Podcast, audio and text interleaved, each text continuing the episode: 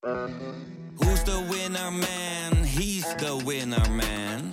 Is hij miljonair? Geen idee, maar nou en. Je hebt geen jackpot nodig to be a winner man. Oh oké, dat is wel lekker man.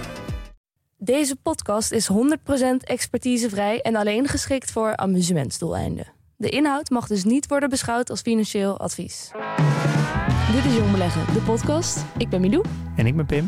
En we hebben zo'n 8 uur aan content geconsumeerd. En nu gaan we voor jou portretteren Charlie Munger. Ja, de sidekick van Warren Buffett, die zoveel meer is dan dat. Ja, het grootste gedeelte van beleggen gaat natuurlijk over psychologie, dat weten we. En op dat vlak heeft Charlie ons heel veel te leren. Deze man is 99, dus zijn kennis en vermogen heeft flink kunnen compounden. We hebben het over zijn term, het Lollapalooza-effect. Ja, en over invert, always invert. En over de grootste fout van zijn leven.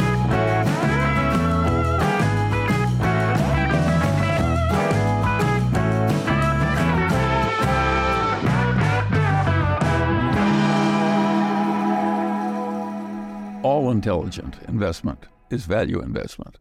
Ja, eh, daar komen we zo op terug. Maar ik dacht, we beginnen even met een fragment waar hij nou, eigenlijk direct kleur bekent. Dit is Charlie Munger en hij is een value-belegger. Dat is alvast even gezegd. Ja, nou ja, dit- die hebben natuurlijk nu niet het hele fragment gehoord. Maar uiteindelijk is iedereen natuurlijk een value investor. Ja, want Vooral alleen... slimme beleggers zijn value investors. Ja, dan, dan pas bij een intelligent eh, investor. Komen we inderdaad straks op terug. Ehm, Charlie Munger, ja, ik kende hem vooral als de sidekick van Warren Buffett. Ik denk dat velen hem zo kennen. Maar na even nou, dat extensieve research wat wij gedaan hebben... daar blijkt wel uit dat hij nou, veel meer dan alleen dat is. Hè? Dan alleen een Ja. sidekick. Nou, dat maakt het denk ik ook gelijk heel bijzonder. Dat iemand die zo intelligent is en eigenlijk zo- eigenlijk zo'n goede belegger is, eh, altijd een soort van een positie heeft genomen als nummer twee. Misschien vind ik dat nog wel het meest bijzonder. Dat eh, voordat hij begon aan, eh, aan het avontuur met Warren Buffett en met Berkshire, toen was hij eigenlijk al heel succesvol. En dat je toch eh, ja, je zo kan opstellen dat je een beetje uit de schijnwerpers blijft en een soort van jezelf positioneert als nummer twee, naar de buitenwereld toe in ieder geval. Mhm. Ehm, ja, dat, is, dat vind ik bijzonder. Dat zegt al heel veel over, over deze man. Wat zegt dat dan? Nou ja, dat hij, de- ook met alles wat hij vertelt, en daar gaan we zo meer op, dan snap je ook veel beter waarom hij dit doet. Hij is ook helemaal niet op zoek naar aandacht. Hij is, is vooral bezig met een soort van intellectuele reis. Zo voelt het een beetje. Geld maakt hem eigenlijk niet zoveel uit. Dat zie je ook aan het verschil, het vermogen tussen Warren Buffett en, en eh, Charlie Munger. Voor mij heeft Charlie Munger om en bij een paar miljard. En Warren Oh. Buffett gaat richting nou, ruim over de 100 miljard heen. Dus het verschil is enorm. Hoe zou dat komen dan? Want hij, hij zal wel ongeveer evenveel verdienen, lijkt me. Ja, het het gewoon heeft eh, over de balk? voornamelijk mee te maken dat hij gewoon op jonge leeftijd alles al aan het weggeven is. Uh, Eh, en Warren Buffett als filantroop. ja, Oh, en en Warren. Buffett is, is eigenlijk pas alles weg gaan geven, een beetje nu pas, Ja, op het ja. einde. Ja. Dus dat is een, eh, een heel groot Ja. verschil. Een ander groot verschil, wat je ook ziet als je je zo gaat verdiepen in die twee, maar vooral in Charlie Munger. Eh, als ze naast elkaar zitten tijdens zo'n aandeelhoudersvergadering, dan valt het op dat de een veel meer humor heeft dan de ander. Op, ik vind Charlie Munger zoveel grappiger. Hij is zo vilijn, hij heeft iets heel, heel eigenzinnigs. Hij is eigenlijk, het, ja, ik denk ik zonder Charlie is eigenlijk Warren, had Warren Buffett nooit deze status gekregen. Ik denk dat nooit iemand, of nooit, er gaan nooit zoveel mensen naar Omaha toe, naar die andere van als Charlie daar niet was. Want hij maakte het echt heel leuk. Ik denk dat, die, dat Warren Buffett heel blij moet zijn met zo'n partner. Ja, en niet in de laatste plaats trouwens, omdat ze gewoon met z'n tweeën ook ontzettend succesvol zijn met eh, Berkshire Hathaway.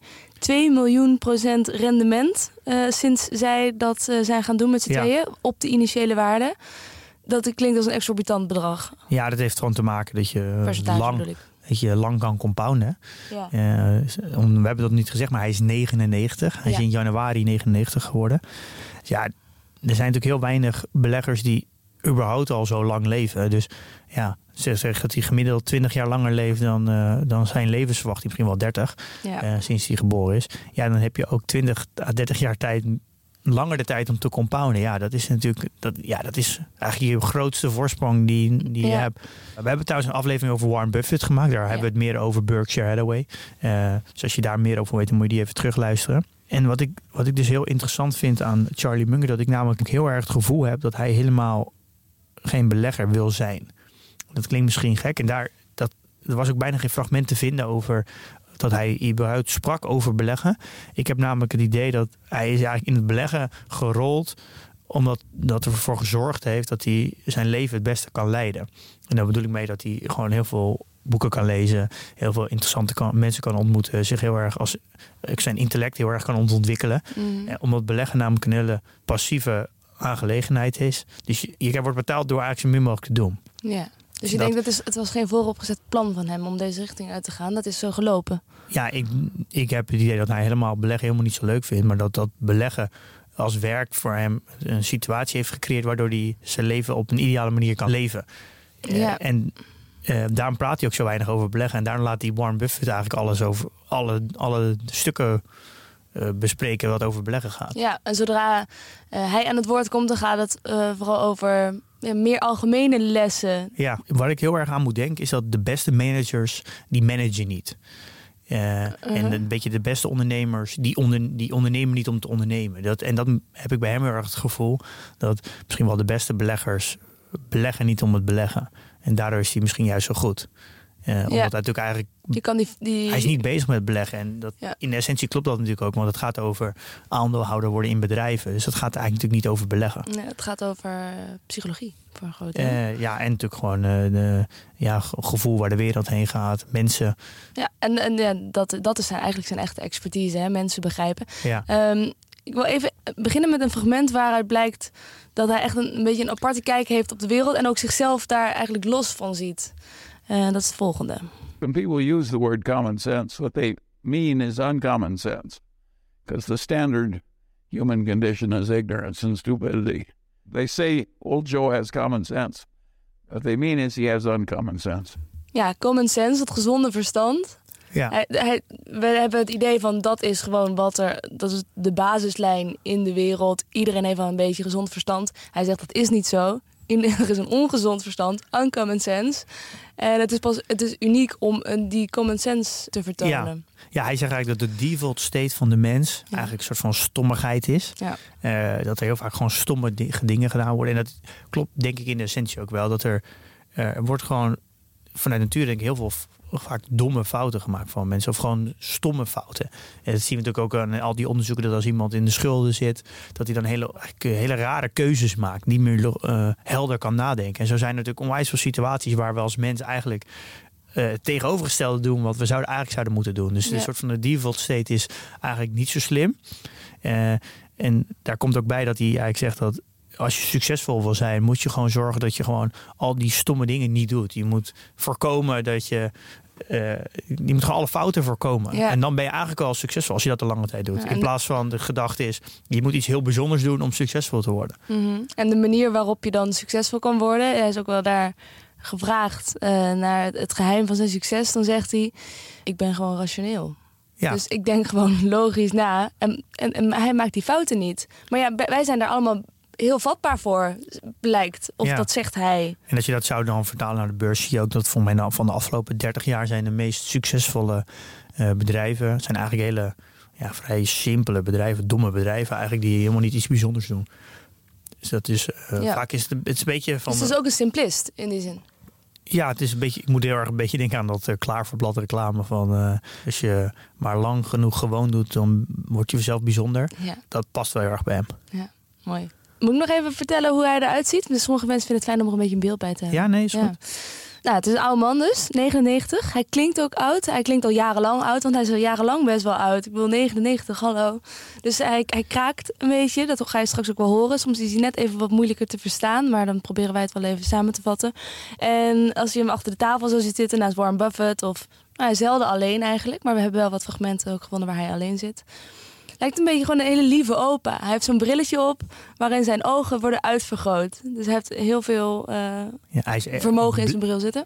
blind in één, eh, van één kant. Ah, oké, dat is het. Ja, er zijn ogen die, die komen heel groot door het brilletje, wat hem een heel sympathiek, bijna puppyachtig effect geeft. Eh, en ja, het ziet er gewoon uit als een hele lieve Misschien wel een mooi. Ik was dit aan het voorbereiden. Was ik een fragment aan het kijken in, uit 2003. Toen zei mijn vriendin: Oh, dat is een oude man. Toen zei ik: Ja, dat was in 2003. Hij Ja. is nu 19 jaar Ja. ouder. ja, en hij leeft nog heel erg, want gisteravond heb jij nog zitten kijken naar hoe hij de aandeelhoudersvergadering Ja, ik heb Van, de aan, live de aandeelhoudersvergadering gekeken van de, de Daily Journal. Daar is hij een soort van de voorzitter van. Ehm, daar heeft hij ook, eh dat was trouwens super interessant. Eh, daar heeft hij dames ook verteld dat zijn eh, positie in Alibaba. Dus wel hebben we natuurlijk, eh, denk ik, een jaar geleden ongeveer eh, over gehad. Misschien anderhalf jaar geleden. eh, dat dat zijn grootste fout ooit is. Nou, Mhm. en dat legt hij ook uit waarom. Eh, dus ja, iemand die is 99. Die heeft dus zijn allergrootste fout ooit gemaakt in 99 jaar. Ja, En dat doet hij dan een beetje op het einde. ja, de zonde. Ja, en hij geeft daar ook mening over, eh, Hij was zo lekker bezig. Waar, ja, eh, over. AI en over Bitcoin. Dus echt, dat was een, eh, heel interessant om te zien. Ja, en ja, het, het, het, zal, eh, het wordt niet heel veel meer op. Misschien is het volgend jaar wel voorbij, dat weet je niet. Dus we moeten die, die kennis nog uit die man trekken. Nou, Ja. En wij hebben dat alvast een beetje eh, ja, voor jullie gedaan, voor de luisteraars. Eh, en op een rijtje gezet wat wij nou denken dat het meest, meest veelzeggende stukjes zijn over Charlie Munger. Moet wel bij gezegd eens worden, inderdaad, het gaat niet heel erg over beleggen in de letterlijke zin van het woord. Maar we gaan er wel proberen de lessen uit te trekken die we kunnen gebruiken in het We beleggen. maken die vertaalslag naar beleggen. Dat doen wij voor jou. Voordat we verder gaan, eerst een bericht van onze sponsor Achmea. Eh, Pim, ken jij de knowing-doing gap? Of in mooi Nederlands de intentie-gedragkloof? Ja, dat je iets weet, maar er niet naar handelt. Ja. En zo heb ik vrienden die dankzij ons wel weten dat ze moeten beleggen. Om verlies van koopkracht tegen te gaan. En te zorgen dat ze een goed pensioen hebben. Maar er toch niet naar handelen. Nee, dat blijkt toch lastig, hè? En of breder dan beleggen, vlees eten. Ik hoor mensen vaak zeggen, ja, het is wel beter voor de planeet... en minder dodelijk voor de dieren. Maar als er dan een menukaart met een hamburger eh, met bacon voor je ligt... ja, dan wordt dat voor het gemak toch vaak wel weer vergeten. Ja, woorden verliezen nogal betekenis als je er niet naar handelt. Ja, het zou wel een stuk helpen als je in een omgeving zit waar ander gedrag gestimuleerd wordt. En dat denken ze ook bij Achmea. Daarom zijn ze met zo'n 13.000 collega's vast begonnen om goede intenties om te zetten in goed gedrag. Zo werken ze daar aan oplossingen voor grote maatschappelijke vraagstukken. Ja, ze gaan bijvoorbeeld voor minder verkeersslachtoffers, gezonde werknemers, duurzame woningen en meer. Ja, dus nou, geen woorden, maar daden. Waar ga jij voor? Check de vacatures op werkenbijachmea.nl. En nu weer verder met de podcast. Ik wil graag beginnen met een stuk waar hij het heeft over het leerproces. En hoe belangrijk het leren is. You are not going to get very far in life based on what you already know. I constantly see people rise in life who were not the smartest, but they are learning machines. They go to bed every night a little wiser than they were when they got up. And boy, does that habit help, particularly when you have a long uh, run ahead of you. You have to keep learning because the world keeps changing. Continuous learning is absolutely required to have any significant achievement at all in the world. Mhm. Ja, zeg Ja. maar Pim, ik hoor bijna jou praten. Ja, nou ja, ja, ik denk dat dit wel algemeen ondertussen wel bekend is. Als je, we gaan sowieso daar natuurlijk naar constant leren. Dat hele idee dat je een opleiding doet en daarna nooit meer leert, is natuurlijk sowieso uh, verleden tijd. En ik denk met beleggen is het wel extra relevant om uh, non-stop te blijven leren. Um, dat is voor mij ook een beetje de reden waarom ik um, dit ja, eigenlijk ben gaan leren beleggen. Is omdat ik weet dat, uh, toen ik net begon, dat ik eigenlijk ja, ja, dat had eigenlijk niet zoveel zin. Maar ik weet dat als ik elke dag wat leer en ik doe dat uh, zeg voor de komende vijf à tien jaar, dan word ik gewoon beter. En ik Mm. weet dat het ook nut heeft, want ik beleg de rest van mijn leven. Uh, dus het is, een, het is de moeite waard om het te doen. Ik vind het dus ook heel belangrijk dat ik ten alle tijden mijn eigen geld kan beheren. En dat wordt natuurlijk steeds meer. En ik weet niet hoe de, hoe de pensioenen gaan verlopen en hoe, we, hoe überhaupt uh, het land zich ontwikkelt. Ja. Dus ik vind het gewoon heel belangrijk dat ik dat allemaal zelf kan. Dus dat ik dat stukje constant leren. Dat is eigenlijk een heel belangrijk element, denk ik, vooral voor, voor onze generatie en jonger. Dat je dat soort van in de kern leert, dat je blijft leren. Want je, ja, dan blijf je een soort van agile. Hè. Dan blijf, kan je jezelf altijd blijven aanpassen en meesturen met waar de wereld naartoe gaat. Ja. En in beleg is dat ja, heel erg belangrijk. Het is, ik vind het soms ook wel zorgwekkend dat we er niet gewoon vanuit kunnen gaan dat er dingen geregeld worden. Dat, dat je blijkbaar zo terug wordt geworpen op jezelf. En het lijkt ook dat het steeds meer zo is. Ja, maar ik, ik denk dat dat wel een hele. Uh, ik denk dat dat gewoon een, denk ik, een goed gevoel geeft. Maak je uh, onafhankelijk. En Ja. Dat maak je denk ik sowieso ook. Even, krijg je meer zelfvertrouwen, maak je stabieler. Je kan op eigen benen staan, je hoeft je Ja. hand niet op te houden. Ja, en ik denk dat je dan ook veel meer keuzes kan maken naar de hand van wat jij echt belangrijk vindt. Eh, natuurlijk een heel makkelijk voorbeeld is dat je natuurlijk vroeger was de verhouding heel erg man en vrouw. Vrouw thuis, man werken, man deed die financiën. Eh, vrouw was eigenlijk afhankelijk. Dus, dus je gaat dan ook Toen konden we nog niet scheiden in die tijd. Ja, je, gaat dus, je, je kan niet meer vrij denken. Je kan niet echt je eh, volledige zelfexpressie doen. Je bent eigenlijk niet je eigen kijk op de wereld goed loslaten. Want je, je bent afhankelijk. in die ik zin denk, is het misschien ook wel goed dat de overheid ons zo dwingt om zelfstandig eh, te nou, zijn. ik denk dat er, daar zit een balans heel erg tussen. Dat je, en als je veel meer onafhankelijk bent, dan is denk ik een democratie ook veel sterker. Ja. ja, nou, het is sowieso een fijn doel om na te streven, lijkt me. Ehm, wat M- Manger er ook nog over zegt, is dat je wel echt bereid moet zijn om er zelf tijd in te steken. Dus dat je niet even die quick fix moet proberen. Je moet je maar even luisteren. And then there are people on the TV, and they say, I have this book that will teach you how to make 300% a year. And all you have to do is pay for shipping, and I will mail it to you. How likely is it that a person who had suddenly found a way to make 300% a year will be trying to sell books on the internet to you? Dat lach je ook. Ja. ja, dit is eigenlijk een soort van middelvinger naar alle cursusverkopers van tegenwoordig. Ja. En, zo. en iedereen die renne- grote rendementen belooft. En eh, mensen dat je betaal, kan betalen om iemands portfolio te volgen. En. Ja, en al die modelportefeuilles die dan, eh, dan hele hoge rendementen hebben en zo. Het is allemaal, Ja. ja, hij veegt de vloer ermee aan eigenlijk in, eh, in, een, in een simpel zinnetje. Is sowieso wel iets wat we veel terugzien, hè? Charlie Munger die, nou ja, mensen aan het beledigen is. Ja, er zijn heel veel video's waar eh, Charlie Munger eigenlijk in twee, drie zinnen gewoon een hele grote groep eh, naar beneden kan eh, vegen. Ja. Ja, ja nee, dat doet hij wel knap. Is ook wel leuk. Is wel een tip. Ga dat even opzoeken. Charlie Munger die mensen met de grond gelijk maakt. Dat zegt hij dus over nou ja, investeren in kennis. Zijn wij natuurlijk voor. Laten we even gaan naar iets meer algemeen. Een van zijn slimste toepassingen in zijn gewone en beleggersleven is wat hij noemt inverting. En daar heb ik jou ook wel eens over gehoord. Het is een soort reverse engineering van een probleem, hè? Eh, ja, zo zou je het kunnen zien, ja. Ja. Ja, als, on- als ondernemer eh, de- de- de- da- denk ik eigenlijk altijd zo. Dus als je, ik zeg altijd, je, je moet eerst je, je, je, je eindstation bepalen. O- Ook, ook in projecten, waar wil je naartoe? En dan ga je daarna eh, ga je het reverse engineeren naar het nu. En dan weet je welke stapjes je nu moet maken om daar te komen. Ja. Dus dat, eh, in de softwareland heb je heel vaak dat je een soort van groot idee hebt. Maar je wil niet in één keer dat groot idee bouwen. Want dan ben je drie jaar lang in een donkerhok aan bouwen. Dus dan zeg je nou, dit is mijn stip op de horizon. Dat reverse engineering naar het nu.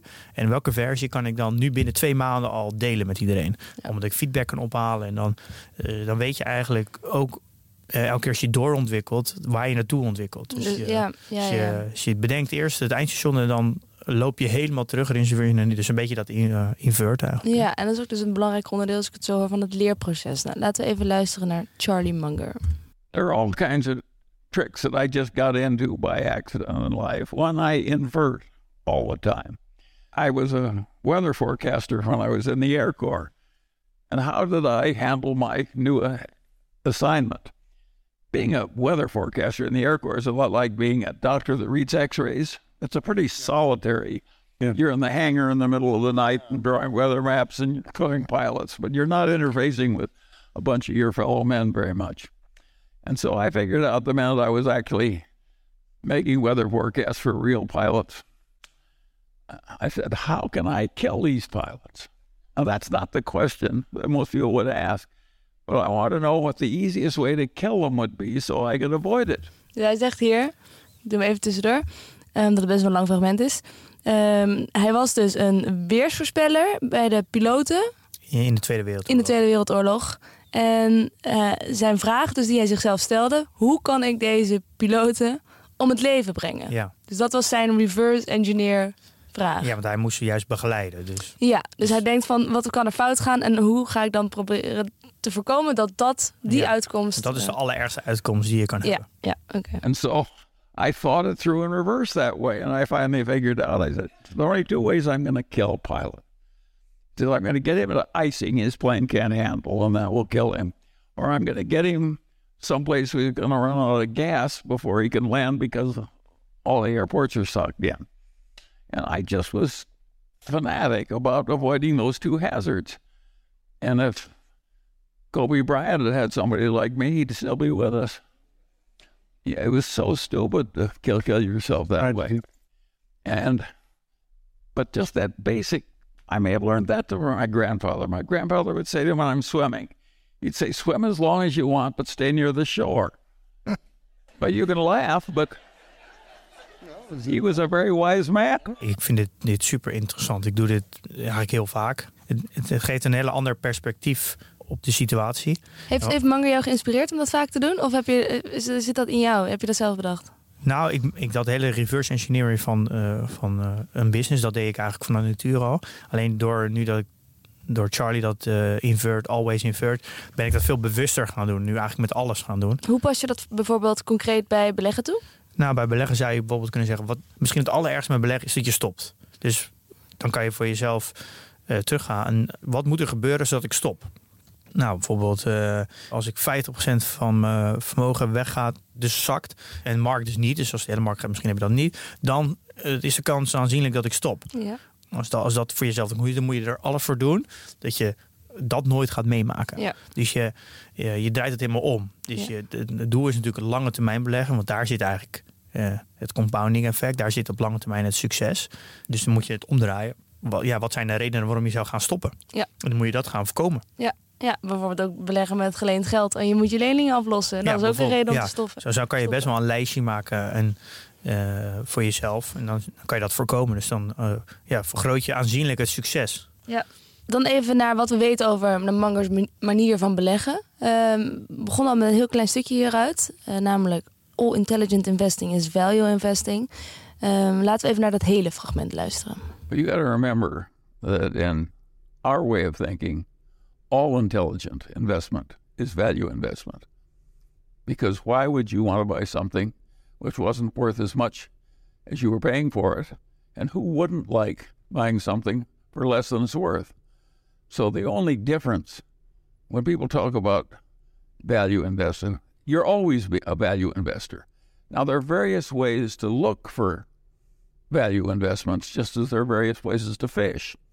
And uh, the f- first rule of fishing is to fish where the fish are, the first rule of value investing is to find some place to fish for value investments where there are a lot of them. And of course, it's gotten hard in the United States to find easy value investments because the world is so competitive. And that accounts for a lot of what you see in Berkshire, where we buy securities like Apple that we wouldn't have bought in the old days when we had more mundane things that were serving us very well. So we're just looking in different places, but we're value investors. And so the cons- Some people, when they say value investor, they mean somebody that emphasizes working capital or something, meaning they should use the fish in that particular place. But I think that's all. I, I think it's a bad use of the language to think there's a difference between value investing and other good investing. All good investing is value investing by definition. And so what, they're just various places to fish for value investments. And of course, as the world gets tougher, you have to fish in places you didn't fish before. and so the idea with Apple then is that there's value there that's unrecognized by the market. Different kind of value investing, and one with which we're less familiar. But we wouldn't have bought it if we didn't think it was a good investment. Ja, ja dit, is, dit is echt een heel mooi stukje. Er zitten eigenlijk twee hele interessante... Je kan het eigenlijk in tweeën opdelen.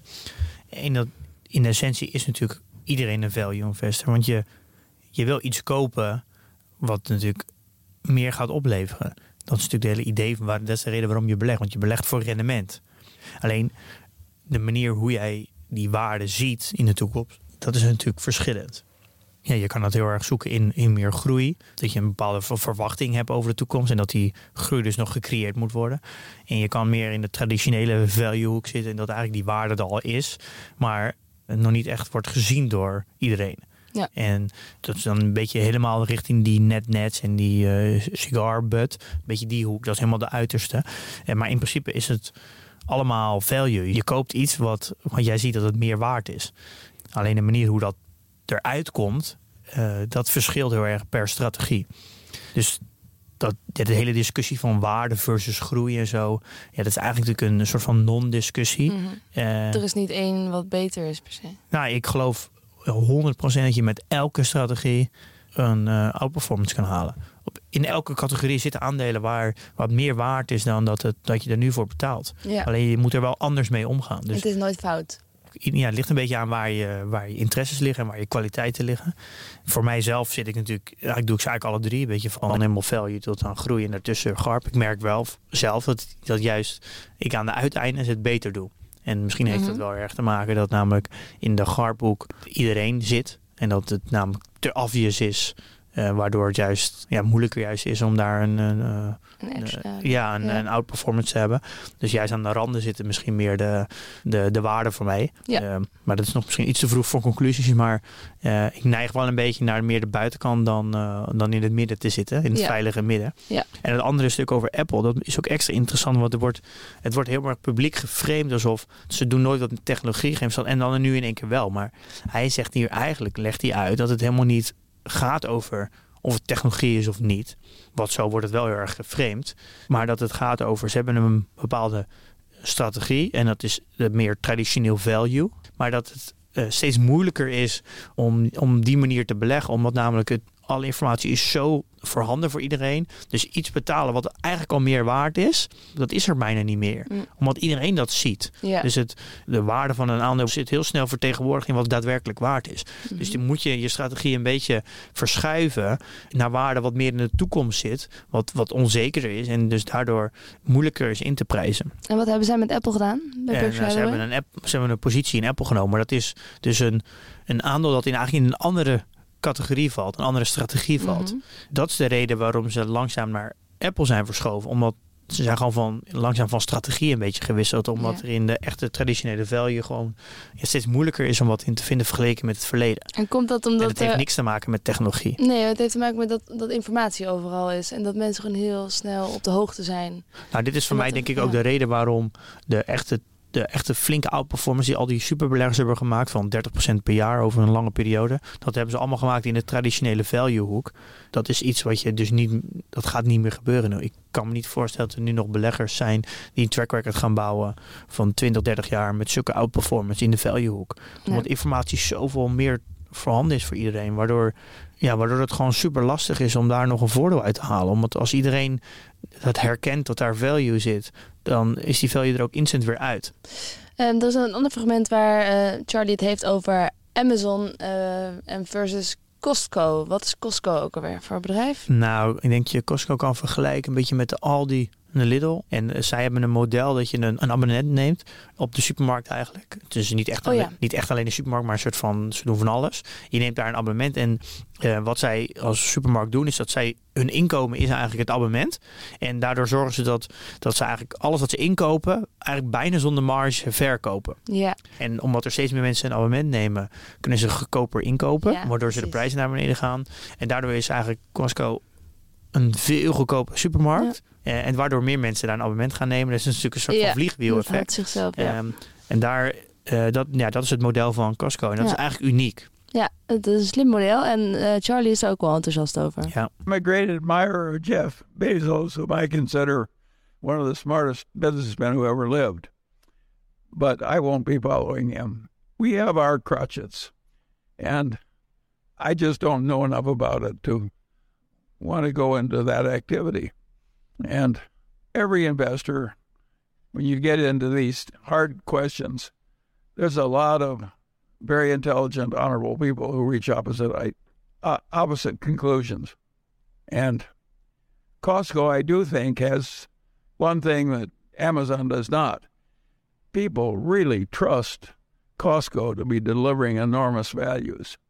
And that is why Costco presents some danger to Amazon, because they've got a better reputation for providing value than practically anybody, including Amazon. Ja, hier zegt hij weer van er zijn meerdere manieren waarop je tot besluiten kan komen. En niet per se één is fout. Maar hij legt hij wel uit dat hij toch wel een voorkeur zou dan hebben voor, voor Costco. Ja, maar hij- dat is mooi dat hij daar legt dat hij dus wel Jeff Bezos eigenlijk een, een bijzondere man vindt die, Ja. de, die het bedrijf heeft opgebouwd, maar dat dat niet voor hem niet genoeg reden is om om daar ook aandeelhouder in te worden. Nee. Ehm, Hij kan dat heel goed loszien. Hij- Ja. eh, Het, het, het autonoom bekijken eigenlijk. Gewoon, ja, een beetje ja. een soort van holistische kijk pakt hij Niet erop. mee met de hype. Ja. Ja. al is het natuurlijk, je merkt wel dat ze houden heel erg van, van simpele bedrijven. En Mhm. wat je natuurlijk een beetje ziet bij al die nieuwe bedrijven, dat ze eh, van alles wat doen. Kijk, Amazon die had al lang een extreem winstgevend bedrijf kunnen zijn als ze niet non-stop blijven doorinvesteren. Ze doen ook onwijs veel dingetjes erbij. Het is een soort van eh conglomeraat geworden. Eh, en daar houden zij helemaal niet van. Zij houden echt heel erg van één model, eh, één formule dat werkt en dat gewoon constant verbeteren. Ja. Dat is natuurlijk een veel veiligere investering en gaat op lange termijn voor een, denk ik, veel grotere return zorgen. Mm. En ook veel moeilijker om te disrupten. Ja. Daar houden zij heel erg van. Ja, makkelijk om te volgen ook. Ja. Ik denk dat de meeste mensen die over Amazon praten zeggen, ja, ik weet, ik vind het heel moeilijk om, ja, om Amazon te begrijpen, want ze doen zoveel. Ja. Dus, dus eh, als je ook ziet naar alle bedrijven in hun portfolio, doen eigenlijk allemaal één ding. En, die doen ze heel, en dat doen ze heel goed. Dan valt Amazon eigenlijk niet echt onder. Ehm, we zeiden het al, Alibaba, dat was een van zijn grootste fouten, zoals hij zelf zei in die meest recente aandeelhoudersvergadering, Daily Journal. Hij heeft het hier ook even over andere fouten die hij gemaakt heeft en, wat dan de, de, de meest voorkomende fouten eigenlijk zijn. The mistakes that have been most extreme in Berkshire's history are mistakes of omission. Uh, they don't show up in our figures. Uh, they show up in opportunity costs. In other words, we we have opportunities. We almost do it. In retrospect, we can tell that we were very much mistaken not to do it.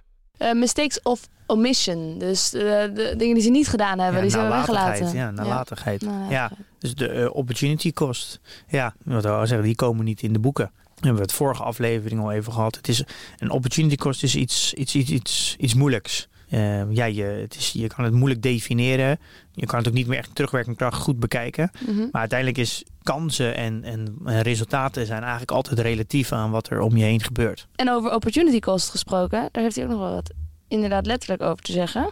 Ehm, en dit fragment begint even met eh, Warren Buffett. Um, but we have a we have a very simple arrangement in terms of what we do with with with money and and uh, uh, you know we look for the most intelligent thing we can find to do if we've got uh, money around or if or if we look we don't buy and sell businesses this way but in terms of securities we would we would uh, uh, if we find something that's at 50% of value and we own something else at 90% of value, we might very well move from one to another. Uh, we will do the most intelligent thing we can with the capital we have. And uh, so we measure alternatives against each other and we measure alternatives against dividends and we measure alternatives against repurchase of shares. But I have never seen a cost of capital calculation that made sense to me. How, about you, Charlie? Never. And this is a very interesting thing that's happened. If you take the most powerful freshman text in economics, which is by Mankiw of Harvard, and uh, he says on the, practically the first page that intelligent people make their decisions based on opportunity cost. In other words, it's your alternatives that are competing for the use of your time or money that matter in judging whether you take action or not. And of course, those vary greatly from time to time and from company to company. And we tend to make all of our financial decisions based on our opportunity cost, just as like they teach in freshman economics. And the rest of the world has gone off on some crazy kick where they can create a standard formula, and that's and that's cost. They even get a cost of equity capital for some business that's old and filthy rich. Wat zegt hij hier nou eigenlijk? We hebben het vorige aflevering gehad over de hurdle rate en de rennen mensen eisen. En hebben we gezegd dat de industrie, vooral de sell-side analisten, ge- gebruik maken van de WAC. De Weighted Average Cost of Capital. Ja. Zo wordt berekend, eh, eh, ja, wat is het kosten van van geld eigenlijk. Nou, daar veegt hij gelijk de vloer mee aan. Eigenlijk zijn zij tegen hoe de financiële sector zich ontwikkeld heeft Ja. en wat er geleverd zijn ze eigenlijk volledig allemaal op tegen. En zij maken beleggen eigenlijk super simpel. En daar ben ik zelf ook heel erg een fan van. Ik maak daar zelf ook helemaal geen gebruik van. Hij zegt, we hebben gewoon een, een soort van rendementseis, die benoemen ze dan niet. En wij kijken gewoon elke investering die we doen, zetten we af tegen andere investeringen die we ook kunnen vinden. Dus de opportunity cost. En zij hebben eigenlijk aangegeven in andere video's dat ze, eh, ze willen gewoon een, een hoger rendement dan bijvoorbeeld een obligaties. En daar, hoe- hoeveel exact zeggen ze niet, en maar meer. En dan kijken ze gewoon om zich heen waar zitten de beste kansen. En als ze ergens 8% kunnen verdienen, maar op een andere kans is 10, dan dus de- opportunity cost is dan 10%, dan gaan ze gewoon wisselen. Ja, maar wat bedoelen ze dan met... wa- waarom verwerpen ze die cost of capital? Nou, dat het eigenlijk gewoon helemaal niet relevant is. Een soort van, eh, ja, een soort van schijn, eh, schijnberekening. Ja, Eh, ze doen dat zelf voor zichzelf ook niet voor Berkshire. nee. En ja, ik denk dat dat. het is een beetje ontstaan om, om, denk ik, om een soort van industrie te creëren waar iedereen een soort van met dezelfde tools kan werken. Eh, maar als, als, als individuele belegger heb je daar eigenlijk helemaal niks mee te maken. Dan moet je het ook helemaal niet moeilijker maken dan het is. Eh, voor mij werkt het gewoon heel simpel. Ik heb bepaalde rendementseisen en ik probeer mijn portfolio zo samen te stellen dat ik verwacht dat het met al die aandelen dat ik die rendementseisen haal. Maar als er als de, bijvoorbeeld de beurskoers 40% zakt, dan kan het zomaar zijn dat mijn rendementseis veel meer omhoog gaat. Want ik zie veel meer kansen die veel aantrekkelijker zijn. Ja. En het maakt me eigenlijk niet zoveel uit of het nou in een ander land is waar er een hogere riskpremium zit. Of het in een bepaald aandeel waar dan het kosten van het kapitaal hoger zijn. Dat maakt voor mij eigenlijk niet uit. En, want ik dicht dat eigenlijk af met een fundamentele analyse. Dat als ik het risico te groot vind, dat ik het, niet, dat ik het überhaupt niet doe. Ja. Eigenlijk maken zij beleggen gewoon heel simpel. Ja, ja, en dat onderschrijf eh, jij natuurlijk wel. En ik trouwens ook. Nou, ik denk ook dat het. Dat komt heel erg wat hij ook heel erg fan van is. En eh, hij quote dat zo vaak. En hij zegt ook bij. Volgens mij is dat van Einstein, maar dat weet ik niet zeker. En als het niet van Einstein is, dan had hij het wel kunnen zeggen. Ehm, make, it, make it so simple as possible, but not simpler.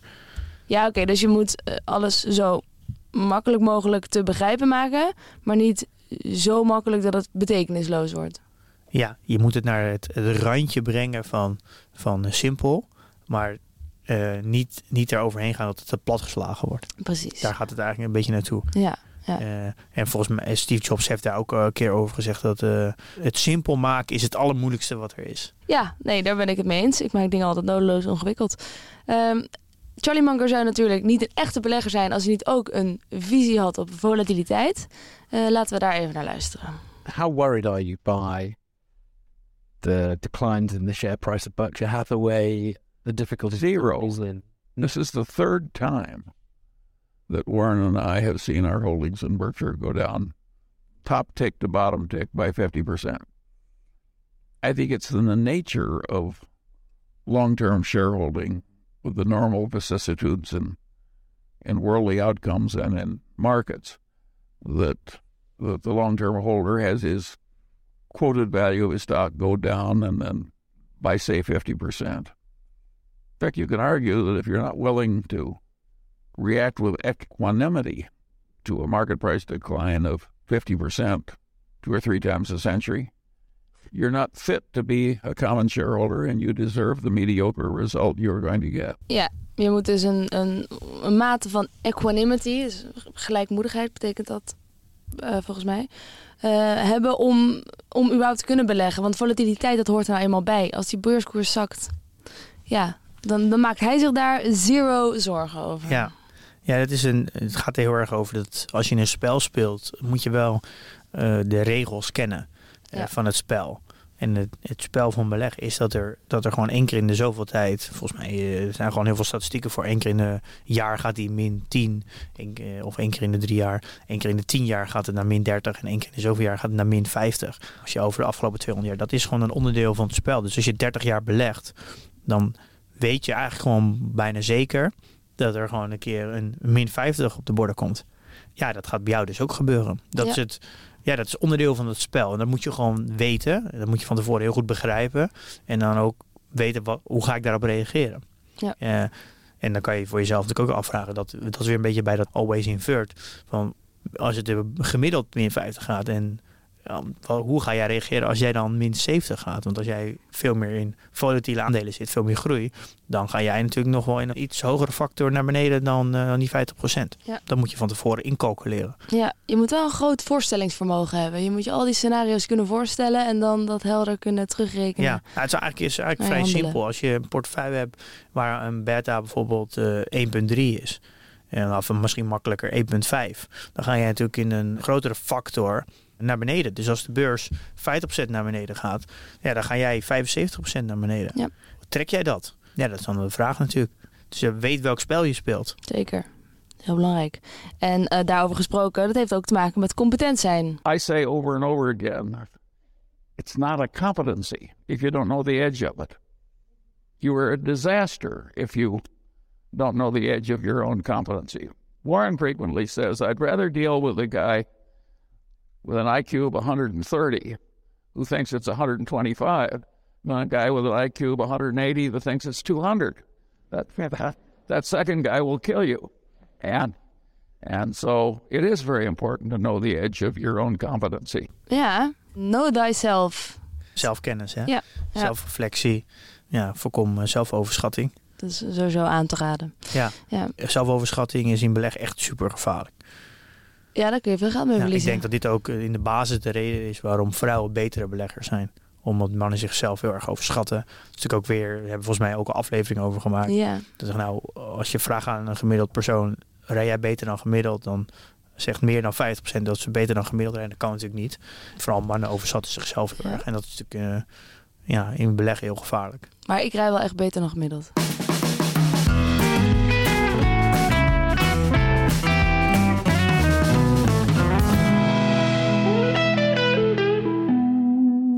Beleggen, dit is voor een, eh, een groot gedeelte psychologie, dat weten we natuurlijk allemaal. En als iemand dat ook heel goed weet, dan is dat ook Charlie Munger. Hij heeft een, een, een eigen theorie over een effect de wereld ingeholpen, wat inmiddels echt investeringsjargon is geworden. Ik kende het nog niet, kende jij het wel? Eh jij kende het wel, ja. Het Lollapalooza-effect.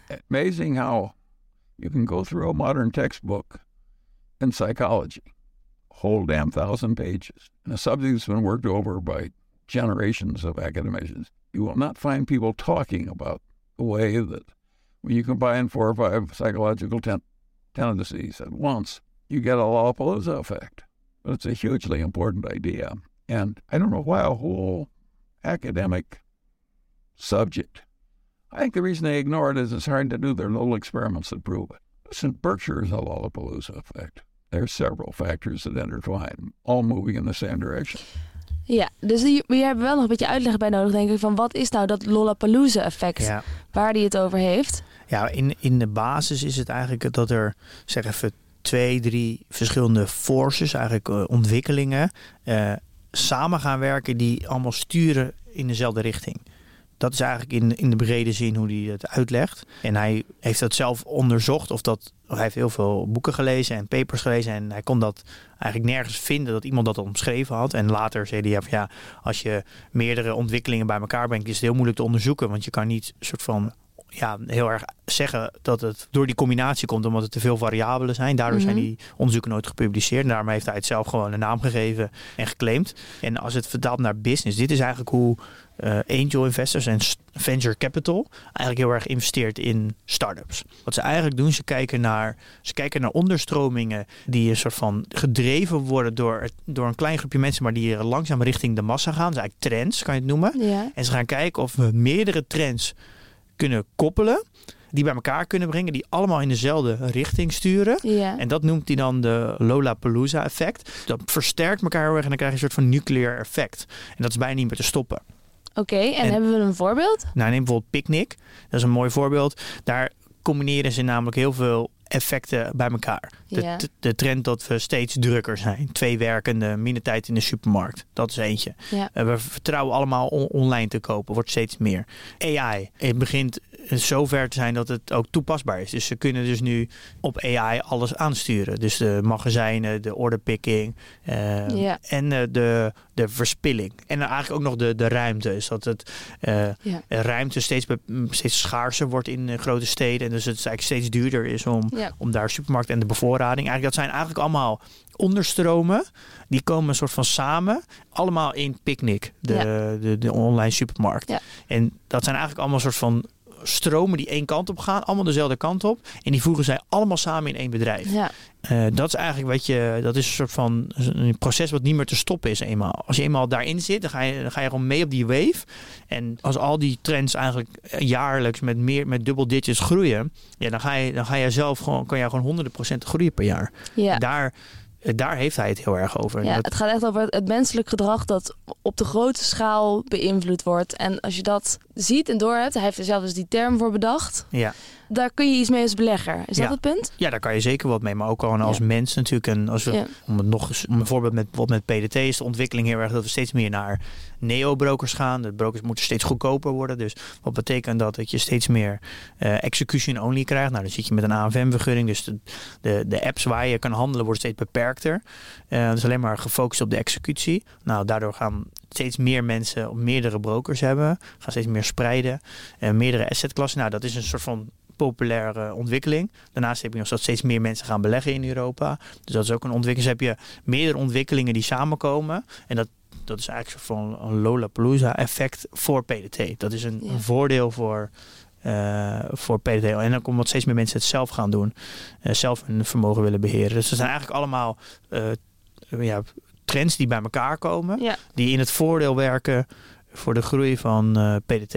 Wat ook hierbij opvalt, het is niet puur psychologie. Hè? Het is psychologie, het is economie, het is maatschappelijke trends. Hij benadert het allemaal gewoon vanuit het hele grote holistische Ja, perspectief. en hij gaf ook wel eens een voorbeeld dat als je, eh, ook in hetzelfde idee, dat als je eh, vijf wiskundigen bij elkaar zet, die, wiskunde is een heel groot gedeelte van beleggen. Dat, eh, om natuurlijk gaat over cijfers. Als je vijf van die mensen bij elkaar zet, dan krijg je niet zozeer een beter effect. En hij zegt dat voor elke, voor iedereen die een hamer in zijn handen heeft, dan lijkt alles een spijker. Ja. Eh, dus hij zegt het is veel beter om eh, dan vijf verschillende disciplines bij elkaar te zetten. Van Ja. allerlei invalshoeken. En dat is, zal dan een veel beter beleggersteam zijn dan die vijf wiskundigen. Wij horen een Eh, pleidooi voor diversiteit. Ja, dus hij is heel erg een voorstander van multidisciplinaire teams. Dus als je Ja. allemaal die focus hebt op een goede belegging doen, maar je bekijkt vanuit alle invalshoeken. eh, dat is een beetje het idee van eh 1 plus 1 is 3 idee. Ja. Eh, daar, hij gaat, daar, gaat hij, heel- daar gaat het heel erg over. Het is eigenlijk op alles van toepassing. Ja, het geheel is meer dan de som der delen. Ja, precies. En nou even over dan verder over wat op alles van toepassing is.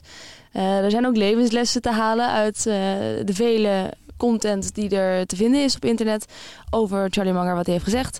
Laten we even luisteren naar deze wijze les. I'm always being visited by young men who say, I'm practicing law and I don't like it. I'd rather be a billionaire. How can I do it?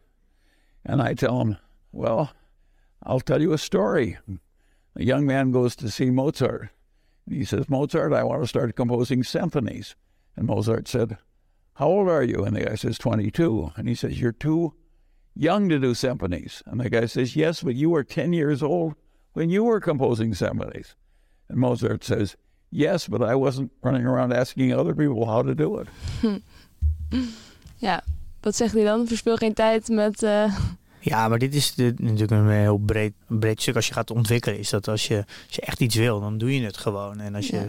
om je heen gaat vragen hoe dingen moeten, dan, ja, dan kan je bijna eigenlijk al stoppen. als je het niet zelf kan bedenken, dan Ja, als het Jan niet eens lukt om te starten zelf. blijkbaar vind je het niet zo heel inspirerend. Ja, dan dan heeft het niet al zelf kan starten, dan heeft het eigenlijk al vragen al geen zin. Maar dat is een, eh, ja, een soort van ook een beetje een levensles als je dingen voor elkaar wil krijgen. Ja. Dat, vooral als je aan mensen vraagt, vooral ondernemers en makers, die zijn altijd wel bereid om anderen te helpen. Dat vinden ze vaak wel heel leuk. Maar je moet wel met, eh, ja, je moet wel met iets komen. Als je eh, in dit voorbeeld van, eh, als, je al, als diegene al heel veel stukken had geschreven en je had gevraagd aan Mozart voor feedback, dan had hij het waarschijnlijk wel gegeven. God, wat inspirerend. Laten we nog even een ander eh, advies horen. Think of the pretentious expenditures of the rich. Who in the hell needs a real Rolex watch so you can get mugged for it? My advice to the young people is don't go there. The hell with the pretentious expenditure. I don't think there's much happiness in it. Er zit geen geluk in het kopen van een Rolex of andere dure spullen. Ja, doe het niet. Ik vind het altijd Ja. een beetje sneu. Ja, dit, eh, van jonge mensen zijn denk ik heel gevoelig voor dat er gepronken wordt over met auto's en horloges en zo. Mhm. Dat je, ja, doe wat ik doe of koop mijn cursus, want dan heb je dit ook. Ja, trap er niet in. Ik denk Nee. dat het, eh, het maakt je leven denk ik ook niet eh, gelukkiger Nee. als je zulke spullen najaagt. Neem het mee, jongens. Advies van Charlie. Kom op. Dan wil ik nog even naar die meest recente aandeelhoudersvergadering van de Daily Journal, die eh, Charlie Munger eh, heeft gedaan. Jij hebt het live mee zitten kijken. De volle, hoe lang duurde het? 2,5 uur. 2,5 uur. En je was met stomheid geslagen toen die oude 99-jarige man ook nog eens begon over ChatGPT en daar zijn licht over liet schijnen. Ja, het was een hele interessante eh, soort van sfeer. Je merkt gewoon aan alles eromheen dat iedereen, ja, dit zou zomaar de laatste keer kunnen zijn. Eh, je merkt een soort van nederigheid naar hem toe om niet een echte confrontatie aan te gaan. En ook, het ging ook niet echt, helemaal, niet echt over de Daily Journal en over ondernemersbeslissingen. Nee, maar het ging voor- vooral hoe gaan we zoveel mogelijk wijsheid uit deze man nog halen nu die nog leeft. Ja. Dat is eigenlijk, het heeft ook iets parasitairs, vind je ook niet? Ja, maar dat, ik vind dat we dat, dat moeten het nog, we moeten het uit hem trekken. ja, maar dat toch wel, dat, ik vind dat ook een vorm van respect voor, voor, Ja. voor zulke soort ouderen. En ik denk dat, dat hij daar met veel plezier ook heeft gezeten. Ja, ja wel. eh, maar er werd ook wel een paar kritische vragen gesteld over eh, zijn eh beleggingsbeslissen, onder andere Alibaba. Dus dat was wel, eh, ja. daar gaf hij ook een heel mooi antwoord op. Zijn grootste fout ooit. Ja. Ehm, het lijkt mij leuk om even te kijken, even te luisteren nog naar een stukje, een stukje over ChatGPT. Wat natuurlijk, en over AI in het algemeen. I think artificial intelligence is very important, but there's also a lot of crazy hype on the subject. Artificial intelligence is not going to cure cancer. It's not going to do everything that we want done, and and there's a lot of nonsense in it too. So I, re- I regard it as a mixed blessing. All this artificial intelligence. Some people have used it in some things like insurance underwriting pretty well. But a lot of people try and use it in ordinary things like buying office buildings or something. And I think that's way more. I don't think it's going to help anybody buy an office building. Not very much, anyway. Ja. Voor iemand van 99 zo'n eh, op de nieuwe, op de allernieuwste technologie zo'n genuanceerd antwoord. Ja, mooi. Ik denk, ja, volledig gelijk. Ja. Eh, Je ziet ook weer dat hij gewoon in de hype, daar gelooft hij niet in. Je- Bekijk het vanuit jezelf, bekijk het autonoom. Laat je niet misleiden door al dat opgefokte gejengel in de media. Ja, maar wat ik er juist, juist uithaalde, ik denk dat hij dat bijna over alles zegt. Maar wat ik er, Ja. wat er, wat hij, hij zegt wel dat het waarde heeft, AI. Dus als je alle andere innovaties kijkt, over Web3 en Bitcoin en NFT's en al die andere, daar is hij gewoon heel duidelijk over, is onzin. Mhm. Eh, maar hij geeft hier heel duidelijk aan dat AI zeker een toegevoegde waarde heeft. Ja. Alleen ja, niet in alles, in bepaalde use cases heel erg. Dus Ja. je, je moet heel goed onderscheid maken, het kaf van het koren scheiden. Dus het, er zullen situaties zijn waar. Dus nu gaat iedereen AI gebruiken, waarvan misschien eh zeg, eh, nou, de helft onzin is en de andere helft heel relevant. Ja. En nu is het bij jou als belegger dat je daar heel erg voor moet uitkijken eh, aan welke kant je zit. Ja. Dat is toch wel mooi dat iemand van 99 toch heel erg de toegevoegde waarde van AI zit. En al, ik denk als Ja. hij het al bestempelt als het is heel belangrijk. Nou, dat vind ik wel veel zeggen, omdat hij duidelijk ah, bijna altijd heel sceptisch is over nieuwe ontwikkeling. Hm. ja, hij had er ook nog veel meer over te zeggen. Dat is allemaal terug te kijken. We kunnen de link in de show notes ja, zetten. zou ik even doen. Ja. Ja, dat is het meest recente. En ja, alles wordt uit hem getrokken. Dus eh, doe er je voordeel mee. Eh, ik dacht het is misschien passend om af te sluiten met eh, hoe Charlie kijkt naar projecties die worden gedaan in kranten, op tv. Eh, wat kun je daar nou mee als we even vooruit gaan kijken? Doet hij dat überhaupt en wat hebben we daaraan? projections on average do more harm than good in America. Most of them are put together by people who have an interest in a particular outcome and the subconscious bias that goes into the process and its apparent precision make it, uh, uh, makes it some fatuous or dishonorable or foolish or what have you. Mark Twain used to say, "A mine is a hole in the ground owned by a liar."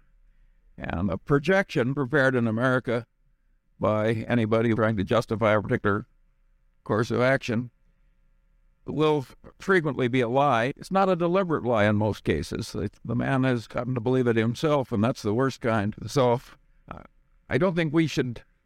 Projections are to be handled with great care, particularly when somebody has an interest in misleading you. Char- Charlie and I, I think it's fair to say we've never looked at a projection. Yeah. Daar horen we Warren Buffett nog even aan het einde. Nou, dat was weinig verrassend, hè? Die, die zagen we wel aankomen. Ja, ik doe geen voorspellingen. Al is het natuurlijk extreem verleidelijk om het wel te doen. Eh, we hebben natuurlijk al, zoals we eerder over gehad, dat het allemaal gaat over eh, wat gaat de Fed doen qua renteverhoging en eh, waar gaat rente naartoe en eh, gaan we nou wel een recessie? Nou, ook, volgens mij zeiden ze, nou dit is de meest makkelijke voorspelde recessie ooit. Mhm. Geen recessie hebben we. Hebben nipt de recessie eh, ontweken. En denk, ja. Was toch de meest voorspelde, de makkelijkst voorspelde recessie. Iedereen was, een, was Ja. ermee eens, dit wordt een recessie. Ja, Geen recessie. we zijn eruit, hè? Ja. Nee, ja, we zijn er niet in geweest. We hebben gewoon geen nee, recessie maar we zijn, gehad. we zijn uit eh, de, de spiraal naar beneden, ja, maar zeg het is maar. toch eigenlijk sneu. is toch hartstikke sneu. Wat is sneu. Dat alle economen in Europa waren er allemaal over eens. Dit is de meest makkelijke voorspelde recessie ooit. Ja. We hebben geen recessie gehad. Ja. Het gaat toch helemaal... Maar- gaat- maar sorry, dit gaat helemaal nergens Nee, oké, maar recessie is ook maar weer een, gewoon een vaststelling van... oké, zoveel dagen, zoveel weken, zo- zoveel maanden moet het duren. En dat hebben we dan net niet gehaald. Maar Ja, maar dit, het, het geeft aan dat, het, dat al die voorspellingen gaan nergens over. Maar in die periode dat het allemaal werd voorspeld, dan was dat een soort van echo chamber waar dat gewoon de waarheid werd. En- hoe gaan nu alle en- jonge beleggers stoppen? En iedereen schreef daarover, iedereen sprak daarover alsof dat ook daadwerkelijk gebeurde. Er werd ook ingeprijsd of dat werkelijk gebeurde. Daarom zien we over nou vorig jaar oktober dat het, dat het alleen maar omhoog gegaan is. Omdat het, die voorspelling bleek helemaal niet waar te zijn. En ik denk dat dat wel echt een les is voor heel veel beleggers. Dat je gewoon ontwijkt dat gewoon. Doe daar niet aan mee. Eh, eh, ja, je hebt er gewoon niks aan. Ja, ik denk dat we dat wel kunnen blijven zeggen, maar dat mensen eh, dat advies toch wel weer in de wind slaan zodra er weer een paar rode cijfers eh, zijn een aantal weken. Ja, maar dit is wel. Ja. eh, ik denk dat je dat heel goed moet realiseren. Dat als, als mensen ergens over praten en daar zeker over zijn, en dat ja, ze voorspellen. Dus of ze hebben een of ze hebben misschien een agenda, maar 9 van 10 keer zijn- is het gewoon onjuist. Dus je hebt er gewoon helemaal niks aan. Dus luister er ook niet naar, doe er ook niks mee. Ga ook niet in, aan je bes- beleggingsbeslissingen meenemen. Een bepaalde soort van voorspellingen met eh, zoveel procent zeker gaat dit gebeuren of dit. Dat heeft allemaal geen zin. Maak het zo simpel mogelijk. Even achteraf, Pim, als je nu kijkt van en wat wist ik van tevoren over Charlie Munger en wat weet ik nu, ben je van gedachten veranderd? Wat heb je geleerd over deze man? Nou, eigenlijk heb ik bijna niks geleerd over beleggen. En, eh, hij praat gewoon bijna nooit over beleggen. Maar ik denk dat dat maakt het misschien juist ook juist zo waardevol. Omdat ik denk een, een belegger is ook gewoon heel veel bezig. Wat niks met eh, gewoon direct met beleggen te maken. Maar natuurlijk alles wel indirect. Ja. En er zijn heel veel, al zijn, eh, als je, ja, wij denken uur, nou misschien wel acht uur lang aan eh, content van hem geconsumeerd. Alles kan je wel vertalen naar beleggen. Dus dat is natuurlijk, je kan bijna alles wat je leert wel op een bepaalde manier vertalen. Want het natuurlijk gaat over mensen, management, bedrijven, businessmodellen, wat natuurlijk overal in verweven zit, economie. Eh, ja, ik denk dat als je houdt van leren, eh, dan is dit, is dit zeker een, eh, een man die je eens een keer moet gaan bestuderen. Want ja, er zitten zoveel wijze lessen in die je eruit kan. Ik denk dat ook elke psychologie-student eh, Charlie Ja. Munger moet gaan s- eh, Ja. studeren. Daar ga je een hoop van leren. Ik denk dat het leuk is om er even uit te gaan met nog weer een quote van hem. Voor iedereen die natuurlijk wel ontzettend rijk wil worden. Daarover heeft Munger het volgende te zeggen. The hard part of the process for most people is the first $100,000. Getting together $100,000 is a long struggle for most people. And I would argue that the people who get there relatively quickly are helped if they're passionate about being rational, very eager and opportunistic, and underspend their income. I think those three factors are very helpful. Wat hij hier eigenlijk over zegt, dat je hebt natuurlijk het, gewoon het sneeuwballetje moet gaan rollen. En als je dat even corrigeert naar, mij heeft hij dit in eh, begin 2000 verteld. Dus als je dit corrigeert met inflatie, dan kom je volgens mij nu uit 170.000 eh, euro. Oké. Eh, dus niet 100.000. Maar het idee erachter is dat in de beginjaren is je contributie aan, aan, het, ja, aan je vermogen, wat je overhoudt nadat je je salaris hebt gehad, Mhm. is eigenlijk je grootste gedeelte. Dus Ja. het effect van het compound heeft weinig zin. En je contributie is vaak hoger dan, dan je rendementen die je maakt. Ja. Dus daarom is het heel moeilijk om voorbij die zeggen die 170.000 euro te komen. Ja. Maar vanaf dat punt, dus eigenlijk toen was het 100.000 euro, vanaf dat punt gaat je rendementen per jaar gaan, gaan, ja, gaan, veel meer, gaan veel meer impact maken dan de bijdrage die jij elk jaar doet. Ja, dus dan gaat het vanzelf. En ja, dan gaat het Dan steeds gaat het sneller. rollen, en dan ja. gaat het balletje rollen. Daar. Dus doe heel veel moeite. eh, dus ga je heel veel discipline. Ga, ga er veel erg leren in de beginjaren, zodat je zo snel mogelijk eh, voorbij dat punt komt, zodat het balletje gaat rollen. Dat is de gedachte erachter. Jongens, hou vol. Kom op, zet hem op. Je kan het. Dus ja, Uithoudingsvermogen. je zorg dat je zeg even, eh, de eerste tien jaar van je werkende leven veel discipline hebt. Zorg Ja. dat je daar voorbij komt. En dan is dat gewoon een kwestie van geduld hebben. En dan gaat het balletje rollen. Zo is dat. En dan sluit ik af met de wijze woorden. Helemaal bedacht door Jong Beleggen, de podcast. Investeer in je kennis en beleg met beleid.